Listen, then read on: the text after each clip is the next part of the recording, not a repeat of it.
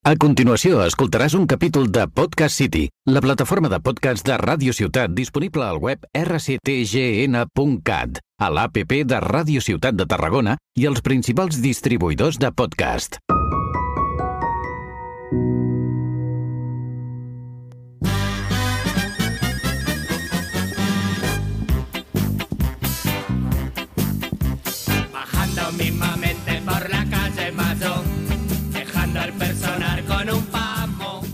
El Piscolabis del Cultius, el podcast que et deixarà amb ganes de més. La gente mayormente se queda valela, porque íbamos pisando los charcos. Hola, hola, benvinguts de nou al Piscolabis. Ens enyoràveu? Recordeu que ara ens teniu dos cops al mes. Al darrer capítol parlàvem de Tots Sants i en aquest parlem de l'estació que engloba Tots Sants, de la tardor. I ho farem en una càlida i inusual nit de tardor de 20 graus com les que estem vivint darrerament. I com ja va ser en tradició, no hi ha capítol sense atrezzo. Avui hem portat coses eh, tardorils o otoñales. A mi em sona, eh, la 13 aquest. No, no, no, és un atretzo completament És diferent. completament nou, és Mira, com... Saps, saps? Clar, hi ha... I, mm, i bueno, això, ha bàsicament jo vull dir una mica que ja és una mica en plan, la tienda en casa... Oh, oh, oh, oh, que bé cantes, Maria. Jo crec que ha eh? volgut demostrar oh. que va a classes de cant. Oh! Algun dia cantaré, però... Vull La Maria no. Calas de Tarragona. La Maria Calas! Eh, molt bé, molt bé. Un dia podríem parlar de sopranos o òpera. Vale, Bueno, ho deixem al calaix bueno, dels potser. Bueno, hem portat coses tardorils, no? Pinyes, carabasses, Molt bé. pinyes, Mm. De, carabasses. de lluny, eh, no, però clar, no és un, no, no és un ja- codony, no, allò? No. O sí? No, perdó, digues. Ah, no sé, el tècnic ha dit alguna cosa, però ho. Sí. I he posat, què més hem portat aquí jo? Ja està, no? Pinyes, carbasses i això no sé com es Farigola. diu. Farigola. Farigola i eh, també hem portat espelmes, no? perquè també és una època Bueno, i, de i tardor. aquesta garlanda, no? De... Ah, sí, una garlandeta aquí. Mira, oh! Que vull, vull fer un apunt, vull fer un apunt. La garlanda té els colors de la roba del Gavino. Ja, És perquè no, se'n veu, perquè no se'n veu les sabates, eh, que són verdes. exacte, És veritat, és exacte. veritat, és veritat. Eh, vinga. Doncs no res, eh, poseu-vos un té calentet que comencem amb la secció aquesta vegada del Gavino.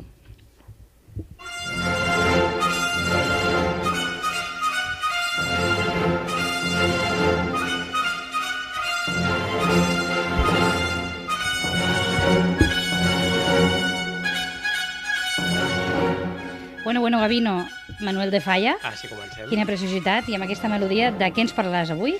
Doncs com parlàvem de tardor i automàticament doncs, em venen al cap aquells arbres amb aquelles tonalitats groguenques, taronjoses i marronoses. Com i la amb- teva roba, eh? Exacte, sí, sí. I amb aquesta imatge en- doncs, he marxat cap a una muntanya d'aquelles típiques de pintura amb la seva forma perfecta, com podria ser el Moncayo. I just al costat trobem un interessant edifici que, a més, té dins diverses propostes museístiques. Marxarem avui cap al monestir de Veruela. Però abans d'entrar en matèria, suposo que us preguntareu a què ve aquest film musical de Manuel de Falla, sí. no? I, clar, qui va quedar-se enganxat a les muntanyes del Moncayo i va habitar en aquest monestir? Ah, jo ho sé, això. Ah, sí? Jo ho sé, Pues això, vinga. Gustavo Adolfo Becker. Vaya, vaya. Oh. Exacte, un dels escriptors romàntics per excel·lència i per això necessitava una atmosfera d'un altre autor, en aquest cas musical, romàntic com és Manuel de Falla. I què millor que aquesta cançó que es diu El amor brujo. Oh. Perquè, clar, no cal parlar de la predilecció pels temes de bruixes de Becker, però és que, a més, a les faldilles del Moncayo hi ha el poble bruixot per excel·lència, l'única població del món excomulgada, Oh! que de fet segueix excomulgada per l'Església Catòlica, Carai. tota ella, acusada tota la població de bruixeria. Ai, com, com ho deuen portar les iaies locals, això, no? No les saben. iaies lugarenyes d'allà, Bueno, clar, pobres. jo, el- a mi el que em flipa és que hi hagi una església, que es faci missa, Clar. que es facin processons, però en el fons estan excomulgats, eh? Vull dir que... És de pega. És de... sí, sí. Doncs bé, trans, Transmoz, no? Eh, a l'anterior capítol, que de fet ja parlàvem una mica de, de Tots Sants, no?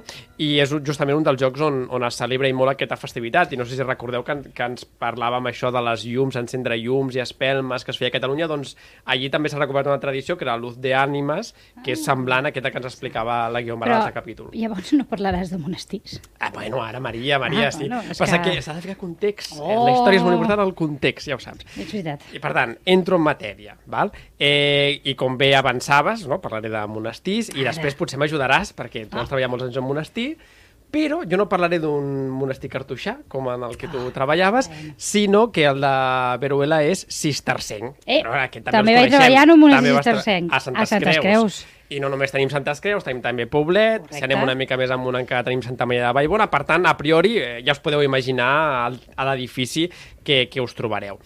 Com bé sabeu, els monestirs eren una mena de, de reordenar els territoris amplis i venien a ser com eh, després al segle XIX van ser les colònies industrials, no? ja que controlaven territori, recursos naturals com l'aigua, l'agricultura de la zona i al final a priori esdevenia pues, el senyor feudal de, de la zona. El que em recorda les contínues disputes, ja que parlava de Trasmoz, que el senyor feudal de Trasmoz tenia perquè per controlar les aigües, perquè Trasmoz pertanyia al regne de Navarra, actualment és, és Aragó, però en canvi el monestir de Veruela era de la corona d'Aragó. I per tant, Conflicte ves que, ves que això de que sigues comulgat no tingués algú a veure amb aquestes disputes, amb aquestes lluites, Ah, casualitat. casualitats, perquè no passa mai que ningú ha sigut acu- acusat de bruixeria, heretgia mm. o no ascripció al règim per motius aliens a la religió. No, això no Oh. passa mai. Jo, hauríem de Ja fer un sabeu. capítol eh, parlant d'això, realment. Sí. Estic d'acord. Bueno, o una temporada sencera, Sí. sí. perquè donaria per molt, no? Bé, dit tot això, arquitectònicament, doncs, òbviament està molt present l'art cistercenc, és a dir, un roman, romànic i gòtic molt, molt sobri, amb elements destacables com el claustre, d'estil gòtic, en el qual ens trobem a cada capitell flora del territori, i jo que, utilitzava, jo que utilitzaven per a les seves pòssimes, perquè, clar, ells eh, podien fer servir aquestes herbes sense ser acusats de bruixeria, perquè clar, eren homes de Déu, no? I per tant, Ah. els monjos sí que podien Era medicina, fer... era ahí està. medicina, Vaja, no era- coses. Eren remeiers. Exacte. Eh, bé, eh, de fet és per això no, que el claustre és conegut com amb el sobrenom del jardí de pedra. Eh, els monjos van arribar al segle XII i es van quedar fins al 1835. No sé si us sona eh, aquesta data. Ui, tant, eh? la desamortització. 1875, la desamortització de Mendizábal. Així doncs, al segle XIX, monestir abandonat. Bueno, bueno, A qui li bueno, podia bueno, agradar bueno, això? Eh? Bueno, pues els, Els romàntics, eh? Els romàntics, els nostres amics. Ai, és Que que aquella atmosfera, no? De, aquella de... boirina, que vivies Clar. constantment en una boirina. La, la, mol, la molsa per les pedres, Ai, és una cosa molt típica que els agradava als romàntics. Sí, sí. Bé, és que, a veure, la, la cosa Era abandonada... el primer Instagram, ruïna, eh? Era el primer Instagram. Sí, les sí, sí. coses sí. abandonades És i en, en, en ruïnes sempre tenen un encant especial. Però és que no crec que siguin molt antigues, eh? No, no, Una no, cosa no. abandonada... Una masia abandonada al segle XIX ja és I vint, algo- i segle XX, també. Sí, sí, Sí, i, una, i una, jo què sé, eh, la, la tabacaria que tenim aquí al costat, eh? Vull dir, Ara vaig a ficar un exemple que se'n va, però a, a Pripyat, de, al costat de Txernòbil, Sí. que està abandonat, hi ha un munt de gent, que fotògrafs, que van a fer fotos de com l'encant de, de, de l'abandó, no? que, de la que està molt guai i molt bonic, a mi Mm. potser m'agradaria, però també hi ha un tema que és... La el radioactivitat. Ja, bueno. Així com un tema que potser... Potser no és el millor lloc. Potser no és el millor sí, lloc, sí, sí, sí. Tens raó. Eh, doncs efectivament, es va convertir en una destinació predilecta pels romàntics, especialment amb les boires de la tardor, però també com un lloc on anar a l'estiu perquè es veu que els aires del Moncayo van bé per la salut. Avui no tenim l'arròs amb naltros, però jo suposo que segur que tindrà algun... Comenta... Segur que hagués comentat alguna cosa sobre si això és molt científic o, o no. Bueno, però això dels aires era molt típic d'abans, Sí, eh? home, de ves, clar, ves al mar, sí, sí, ves que et doni l'aire cura tot, no? salat... Saps? Sí, Sí, sí, sí. sí. Estàs malalt, ves a la muntanya, no? que l'aire de la muntanya cura. I ara, com vaig tenir enveja de la Guiomar l'any passat, vaig dir, queridos amigos, he Ah. aquí transportado de la noche a la Uh. mañana a mi escondido valle de Veruela, heme aquí instalado de nuevo en el oscuro rincón del cual salí por un momento para tener el gusto de estrecharos la mano una vez más, fumar un cigarrillo juntos, charlar un poco y recordar las agradables, aunque inquietas, horas de mi antigua vida. Ah, bueno, Has hablat- bueno, has- bueno, has, bueno. Has, has hiberidat de l'Eugenio amb el Home, que es va morir l'altre dia, el de no. ratones. No No, diguis la veu, la veu era de l'Eugenio. I la, el que es va morir l'altre dia, el de los ratones colorados, Sí, el el- Quintero. Ah. Seguim. Bueno, doncs oi? ho he fet molt malament perquè no volia... No, no, no, ha quedat molt bé, ha quedat molt bé. Eh, aquests referents per això, que no, que no és que no m'agradi. I estaves parafraseando allò l'any passat, a, al, a la temporada passada del Pisco Labis, al capítol de la por, vaig llegir un fragment també de Gustavo Adolfo Becker, Correcte. del Exacte. Monte de les Ànimes. Exacte. Sí. Jo... En... Ai, no, perdona, digues, Maria. No, sí, sí, ah, no, no. estava dient... Dona la raó. Pensava que t'havia tallat. Eh, de fet, fent referència a això que deia la Guiomar, això no és del Monte de les Ànimes, sinó que aquí parla de cartes des de mi celda, que ho va escriure justament mentre estava al monestir de, de Veruela, on contraposa la seva vida monacal amb l'altra vida eh, que va tenir Becker, que ara mm. això sí que ens donaria també per temporades, eh, Sí, perquè, en sí, fi, sí. va tenir una vida molt intensa, de, deixem-ho deixem així. Bé, actualment una de les sales del monestir té una part museïtzada sobre Becker, on hi ha gravats del germà, que també va estar, va estar amb ell, on es veu a, a Gustavo, no?, esperant el diari, la correspondència de Madrid, no?, que arribava a una creu de terme, que de fet encara, encara es conserva, coneguda com la Creu Negra pel color que té, que de fet eh, fins a la Creu Negra eh, va ser on va arribar l'incendi forestal de- d'aquest estiu, eh, que va estar a punt de- d'entrar al, d'entrar al monestir. Eh, de fet, Becker es va quedar prendat de la zona i, evidentment, de les històries de bruixes, i de fet també va ser quan va passar a l'altra banda del Moncayo, que va ser quan va anar a Sòria i va, va escriure del, del Monte de les Ànimes que ens parlava l'any passat la Guiomar. Per cert, eh, no em donarà temps, però dins del propi monestir eh, trobareu, a banda de les que ja he dit, dues altres propostes museogràfiques. Per una banda, el Museu del Vi, eh, on bàsicament hi ha moltes coses per olorar i tocar, de tal manera que després tindreu tres o quatre coses per fer els xulitos, eh, quan beveu vi amb els vostres Oh, amics. Eh? oh, oh, interessant. Eh, I per l'altra, aprofitant instal·lacions que havien de ser per un parador nacional, actualment s'aprofiten per exposar obres d'artistes contemporanis en el que es coneix com la sala Cuarto Espacio de la Diputació de Zaragoza. Ah, que xulo, molt bé, Sí, sí. Molt No, no, bé. realment vull dir, és una visita que eh, és, molt, és molt completa. Realment. Escolta, doncs, això està relativament a prop, podríem fer un cultiu trips. Bueno, bueno eh, i si Ràdio Ciutat, no sé si ens ho pot eh, Ens ho pot preparar. costejar, el, Ràdio costejar, el tècnic. el tècnic. Eh, Està rient. jo crec que amb aquestes risses... Seguiu, seguiu, És que seguiu no, és que no. Segui- Seguiu davant, seguiu davant. Bueno, bueno, Ho intentarem, bueno. ho intentarem. Doncs crec que amb aquestes risses ja podem, no? Eh, Molt interessant, Gavin. Molt bé. Fins aquí la teva secció sobre museus, que no, ho- no ho havíem dit, no, potser? Sí, però ja jo la crec gent ja ho que sap, no? sí, no? No Ah, sóc gaire bueno. original, generalment. Bueno, bueno. Molt bé. Endavant, Maria, amb la teva secció. Vinga, som-hi.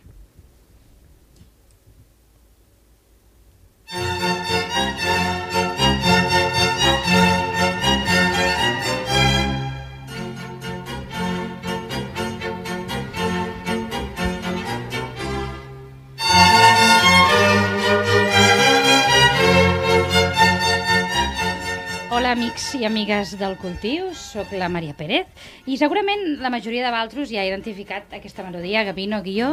Home, és que la portem al títol, la portem al títol de... del capítol, eh, el nom d'aquesta melodia. Quina és? La, la tardor.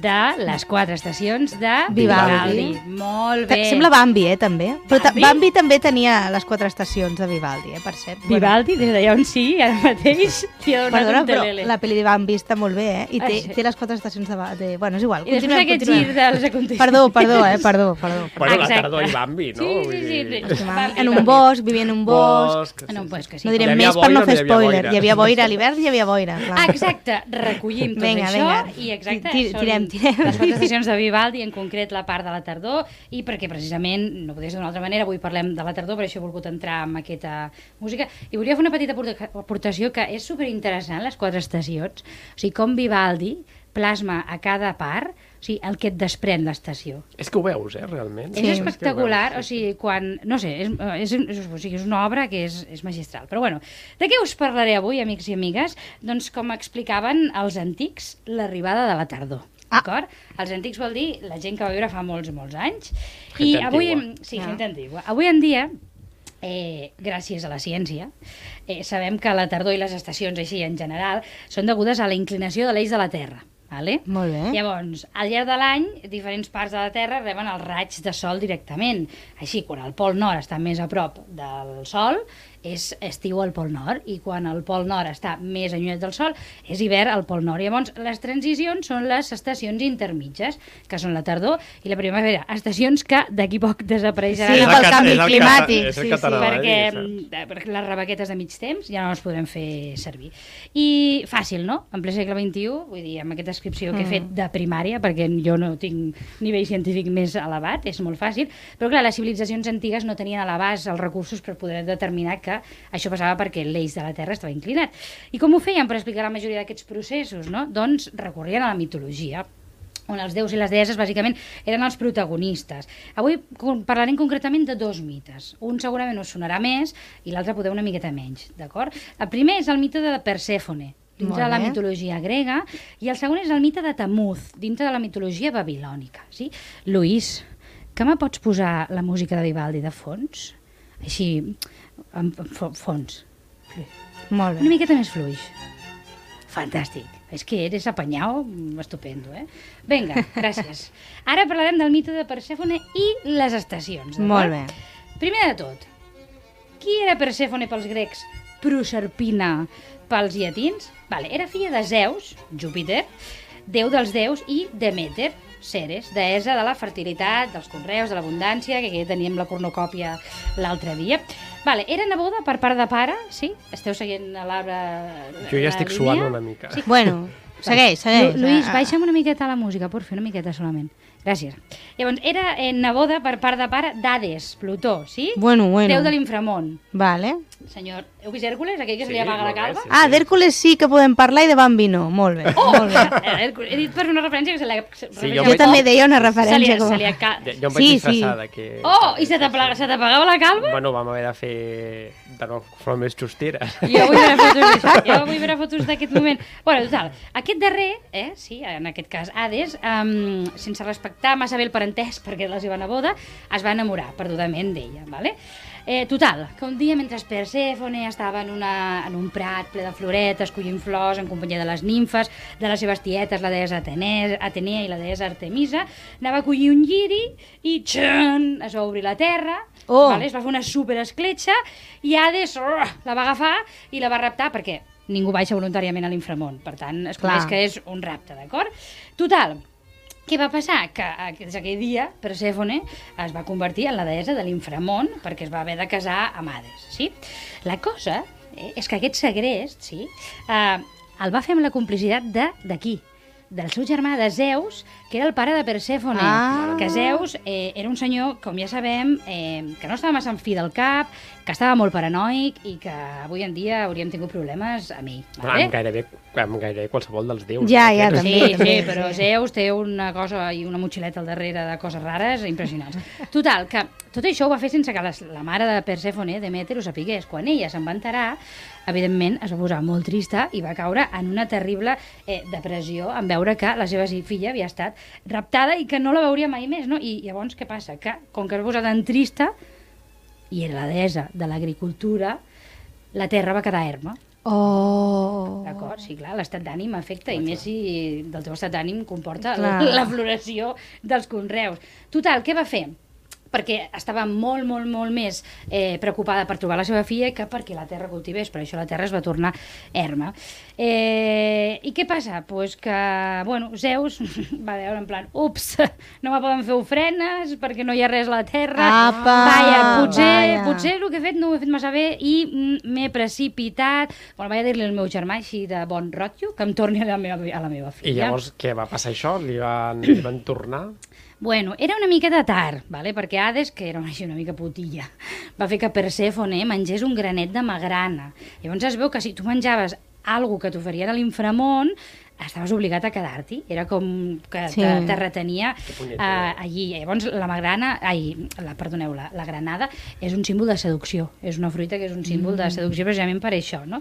Llavors, eh, què passa? Que mm, mm, mm, Zeus va dir, vaja, vaja, ¿Cómo podem fer això per arreglar este meollo en el qual he metido a tota la humanitat? Va dir, vale, pues fem una cosa, solució diplomàtica. Eh, Persèfone passarà la meitat de l'any a l'inframont i la meitat de l'any pujarà a l'Olimp amb la seva mare, amb Demeter. Molt bé. I això què, què té a veure amb, amb, amb les estacions? Tot arriba. Molt senzill. Als sis mesos que Persèfone estava a l'inframont, la seva mare Demeter entristia i la terra, en aquest cas, es tornava estè- estèril. Ah, és a dir, equivaldria clar. a les èpoques, en les estacions que són la tardor i la primavera, on hi ha molt menys fruit, no? i l'aura Mm. ja també és més trista. I quan eh, Persèfone retornava a la terra, Sí. a l'Olimp, equivaldria a la primavera i l'estiu, que seria una mica l'esclat de felicitat no? de Demeter per poder tornar a estar amb, amb la seva filla. Què us ha semblat? Oh, molt bé, molt bonic, Molt molt, bonic. Ah, que sí? Molt bueno, doncs ara veiem el segon mite, que aquest he d'admetre que jo uh, no, no el coneixia i el vaig trobar eh, buscant, i és superbonic, ja ho veureu. Es diu el mite de Tamuz, sí? Tamuz era una divinitat menor de Babilònia. Aquí, ells anaven fora, eh, els babilònics, divinitat de, de primera i divinitat de, Bueno, de sí. segona, d'acord? Era, atenció, guapo, jove, bondadós, li agradava passejar per la natura, conreus, tot, tenia. boscos, mentre tocava la flauteta. Oh. S'encarregava de cuidar els pastors, els ramats i procurar que les collites fossin pròsperes. Sí, una mica seria el Perséfone Hmm. de- d'aquí. Ah, Com era un partidazo, perquè ja ho has dit tu, lo tenia todo, Ishtar, que era la deessa de l'amor i, de la fer- i de la fertilitat, es va enamorar perdudament Ah. d'ell, d'acord? Aquí. Al final, eh, la tia també és tan insistent que el noi doncs, va acabar casant-se amb ella, no? La, la llegenda diu que, que no, que Tamuz va, també va caure enamorat, però aviam, si un déu era insistent, doncs t'acabaves casant amb ell i, Clar, i punto quin pelotilla. No tenies massa cosa més a dir. A veure, què va passar? Un dia Tamuz estava passejant d'aquesta manera que anava ell distret, tu, tu, tu, tocant la flauta i amb els ocellets, i eh, estava a prop d'un bosc a la ciutat d'Eridu, i podria ser perfectament Barcelona, per què? Perquè li va sortir un porc senglar. Ah, D'acord? Ah. Va sortir un porc senglar i el va atacar. Què passa? Hola. Que Tamuz, eh, hem dit que era un déu de segona. Llavors, els déus de segona, què tenien de diferent als déus de primera? No tenien tants poders? No. No. Una altra resposta, poder? uf, jo m'he quedat en blanc. Eh, Què era el més important d'un déu? Que era immortal. Ven, ven, a venerar. Ah. Immortal. Ell, com era un déu de segona, no era immortal. Ah. D'acord? Llavors ser... era molt de segona diferència, Oh, totalment, eh? És totalment. abismal. Mm. Totalment. No he llegit més coses que diferenciessin, però aquesta ja m'ha semblat totalment desproporcionada. Total, que el va atacar tant i tant i tant que eh, el va matar. Ostres. D'acord? Sí. Super Llavors, jabalí. eh, què va, era un jabalí, entenc que grossot, en aquest cas, i va morir. Llavors, què va passar? La terra es va tenyir de gris, i Ishtar, la seva Oh. dona, va comprendre que de poc li servia ser immortal si no podia estar al costat de la persona que, Mm. que més eh, s'estimava. I què va decidir? Aquesta sí que ho va fer voluntàriament, baixar a l'inframont, que en la mitologia babilònica s'anomena l'Aralu, i quan va arribar a l'Aralu, eh, l'única condició que li van posar és que eh, per poder entrar, cada vegada que passés per davant d'una de les set portes de l'infern, sí, això de les set portes en sona, Mm. eh, havia de desprendre's, havia de treure's un atribut de deessa. Ah, S'havia d'anar traient els atributs eh, de devesa. Que també et diré, una vegada mort, si has de passar per set portes, és una mica mandra, però bueno, que ja estarem morts, tampoc ho sabrem. Vale, I així va ser. Primer la corona, després les arracades, després el collaret, després els braçalets... Total, que quan va arribar davant de... És que aquest nom és molt difícil, eh? I li llegiré. Ereshkigal, que era la deessa de l'inframont, i la seva germana, sí, eh, només vestia una camisola. Vale? Què va passar? Que la seva tieta se'n van riure i va dir ah, tu eres una pringada, tu no ets cap deessa. Per què? Perquè els atributs dels déus al final també els donaven la importància que ells tenien. I ella Mm. s'havia després de tot això. I què va fer? Um, la va portar a una garjola i la va deixar tancada i juntament amb Tamuz. Què va passar? Que sense Tamuz, déu de l'agricultura, i sense Ishtar, deessa de la fertilitat i de l'amor, la vida a la terra s'apagava. Llavors, com va acabar la cosa? Vale, total, que els altres déus es van preocupar una mica, no? I fou Ea, déu creador, vaja, una mica com el Zeus o el Júpiter eh, de la mitologia grecorromana, va ordenar que deixessin en llibertat a Ishtar i amb ella a Tamuz. I potser que a mi no et preguntes, acaba tot bé? És el que deies, sí, sí. Bueno, a mitges, perquè en la mitologia les coses bé bé mai acaben. Què va passar? Tamuz havia mort i havia ressuscitat, sí? Mhm. eh, però va estar un temps bastant llarg a l'inframont i no podia reprimir les ganes de tornar, perquè havia estat com una mica emboirat per la foscor de l'inframont. I sentia una atracció cap a les tenebres molt, molt gran fora de lo normal. Total, que cada any, durant sis mesos, Ah. havia de baixar a l'inframont. I Ishtar, la seva dona, la seva estimada, cegada per l'amor que li tenia, l'acompanyava perquè al cap d'aquests sis mesos el pogués rescatar i el pogués tornar cap al món dels vius. I jo ara et faig la pregunta. Sabries identificar el mite de les estacions en aquesta llegenda? Sí, no? Perquè quan baixen, no? És quan és l'estació l'estació fosca de los L'estació celtas, fosca, eh? correcte. És I l'estació, eh? El. Samhain, el Samaín. El Samaín. Eh? De... Com se copien, eh? Ah, és veritat. Que és, Que és parlàvem de eh? eh, el, el capítol de la quinzena passada, recordeu, eh? Sí, que estem exacte. ara dos, dos capítols al mes, recordeu. Exacte. I aquí els meus dos eh, mites d'avui us volia preguntar què us han semblat. Home, molt interessants, Molt no? I a més a més, sí. A veure, vull dir que la part científica sempre és molt millor, no? Però la xitxa i la virilla que et dona la mitològica no te la dona la Clar. ciència. Aquí volia anar jo. És com, està bé saber que l'eix de la Terra està inclinat, ok, però, Però és molt més guai una historieta d'aquestes. Una vegada amb- ja ho sabem, pues, Sí, així una mica de suquillo, etc. Sí, sí. Lluís, puja una miqueta la música així que he acabat. Així, Avui la Maria acabar. està amb Sí, la sí. música... El, el Lluís crec que et començarà a odiar, eh? Sí, una miqueta, solament per dir que he acabat el capítol de... Bueno, la meva secció, en aquest cas, de la, Ara, ara, ara, de ara. la tardor amb Vivaldi. Gràcies, Lluís, ets un sol. I jo, Maria, et tallo la cançó, la música, Vale, vale, vale. Eh, Oh. perquè, malauradament, el capítol d'avui ja acaba. Hem parlat de la tardor, dels romàntics, dels mites de tardor dels grecs i, i els babilònics, i... He parlat de tantes coses, però podem parlar d'una cosa més, i és que, oi que últimament una llibreria ha obert a Tarragona? Ah, ha sí. reobert? La, la, la, Maria em dona la falca, eh? Has vist? Em dona la falca. I perquè, eh, mireu, tenim aquest llibre que l'he fet servir per a l'anterior capítol, l'he tornat a portar. L'he tornat, l'he tornat a portar. Perquè sempre el portes al bolso perquè el Clar, llegint. perquè està molt bé. És que bueno, està, perquè t'havies quedat sense Clar, m'havia quedat amb, amb... Perquè a més vaig, vaig haver de fer uh, uh, la meva secció una mica ràpida cap al final, mm. -hmm. m'he quedat una miqueta amb això. I no res, perquè eh, eh, us donem uh, algun... perquè pugueu visitar cosetes, vale? us, don, us donarem de tant en tant alguna recomanació cultural. La recomanació d'aquest mes és la llibreria La Capona, que ha tornat a obrir fa poc a Tarragona, i no res, aquest llibre és d'allà i podeu passar eh, a, per veure el que tenen, regirar els llibres eh, i tenen una secció a baix per si us interessa i si teniu nens, tenen una secció a baix per pintar eh, de llibres infantils superxulos, eh, també. Visiteu la Capona i compreu llibres a les llibreries de proximitat, que és molt important. I bé, nosaltres som la Guiomar, la Maria, la Rosa i el Gavino, som l'equip del Cultius Culturals. Ens podeu seguir a Twitter, Instagram, Facebook i al nostre blog cultiusculturals.cat. I abans de marxar, abans de marxar, recordeu que ens podeu escoltar quan surti el podcast, sí?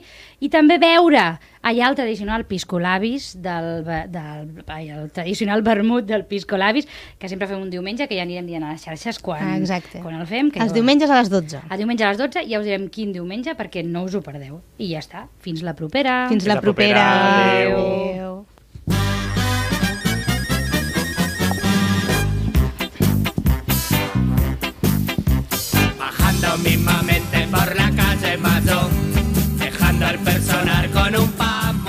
El Piscolabis del Cultius, el podcast que et deixarà amb ganes de més.